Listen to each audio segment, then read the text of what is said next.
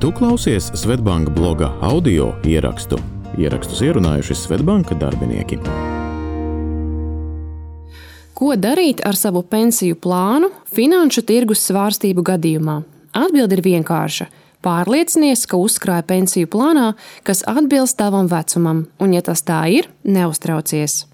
Nesenie ģeopolitiskie notikumi izraisīja strauju cenu kāpumu naftai un energoresursiem un svārstīgumu pasaules finanšu tirgos.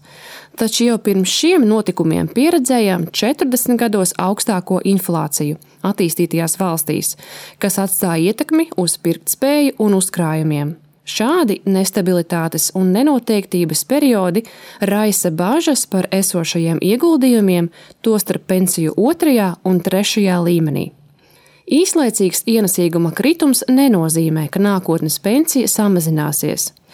Dažādus satricinājumus pasaules ekonomikā un finanšu tirgos esam piedzīvojuši jau iepriekš, taču neskatoties uz tiem, Pēdējā desmitgadē visi pensiju plāni ir strādājuši ar pozitīvu ienesīgumu, kas apsteidzis inflāciju un ļāvis pensiju plāna dalībniekiem palielināt savus uzkrājumus. Tā piemēram, Pagājušā gada pieaugums atsevišķiem pensiju plāniem ir bijis pat 27% liels, bet skatoties ilgākā laika posmā, aizvadītajos desmit gados, visu Latvijas pensiju trešā līmeņa plānu vidējais ienesīgums ir pārsniedzis no 3,1% līdz 9,7% gadā. Šāds vidējais pieaugums atspoguļo arī šī cikla dažādus tā saucamos sliktos gadus, kad tirgi ir mazāk aktīvi un plānu dalībniekiem var būt jāpiedzīvo zaudējumi gada griezumā. Taču pensija ir viens no ilgtermiņa uzkrājuma veidiem, kam ir raksturīga spēja nodrošināt pozitīvu pelnītspēju, absorbējot īstermiņa zaudējumus. Dažiem pensiju krājējiem, redzot sava ieguldījuma samazinājumu, rodas satraukums un līdz ar to sajūta, ka šādos apstākļos ir ātri ir jārēģē. Piemēram, jāpiesaka ieguldījuma izmaksa pensiju trešajā līmenī vai uzkrājuma pārvedama uz kādu citu pensiju otro plānu, kas piedzīvoja mazāku kritumu. Šāda reakcija visbiežāk ir novērojama pirmajās dienās pēc satraucošajiem notikumiem, taču tuvāko nedēļu laikā panika parasti noplok. Kaut saglabāt mieru nestabilitātes periodos nav viegli, svarīgi nepieņemt nepārdomātus lēmumus emociju iespaidā. Un atcerieties, ka laiks, kad finanšu tirgi piedzīvo lejupslīdi, parasti ir neizdevīgs vērtspapīru pārdošanai Tāpēc svarīgi ir turpināt pieturēties pie izvēlētās ieguldījuma stratēģijas un vecumam atbilstoša pensiju plāna. Minēsim trīs iemeslus, kāpēc nevajadzētu uztraukties. Pirmkārt, lielākajai daļai pensijas krājēju vēl ir pietiekami daudz laika līdz pensijai, un līdz tam tirgi atkal piedzīvos izaugsmi. Otrakārt, pensijas uzkrājumam mēnesī vidēji tiek atvēlēti 30 līdz 50 eiro ko pensiju fondi tālāk iegulda akcijās vai obligācijās, un kad tirgi aug, akciju cena ir augsta, līdz ar to par attiecīgo summu var iegādāties mazāk to skaitu.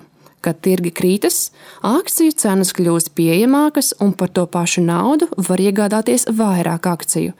Regulāri veidojot uzkrājumu, jūs iegādājaties gan dārgākus, gan lētākus vērtspapīrus.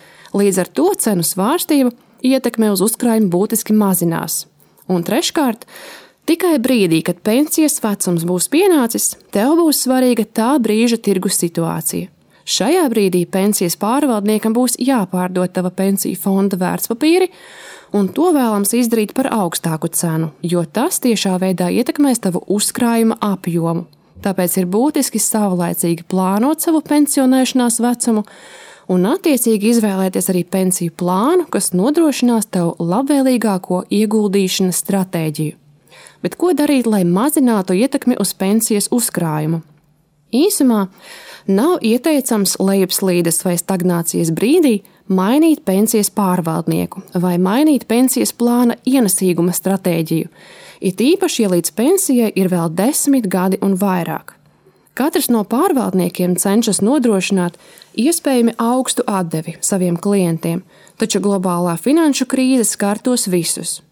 Lēkāšana no viena plāna uz citu neko daudz nemainīs.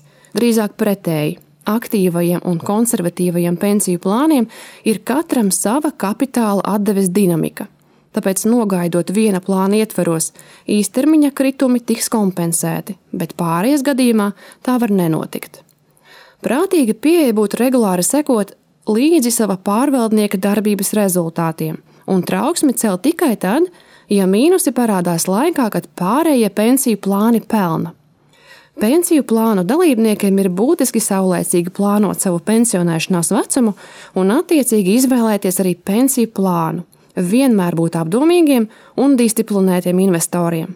Pozitīvs rezultāts neizpaliks, jo ar pensiju kapitālu ir līdzīgi kā ar ilgadīgu koku.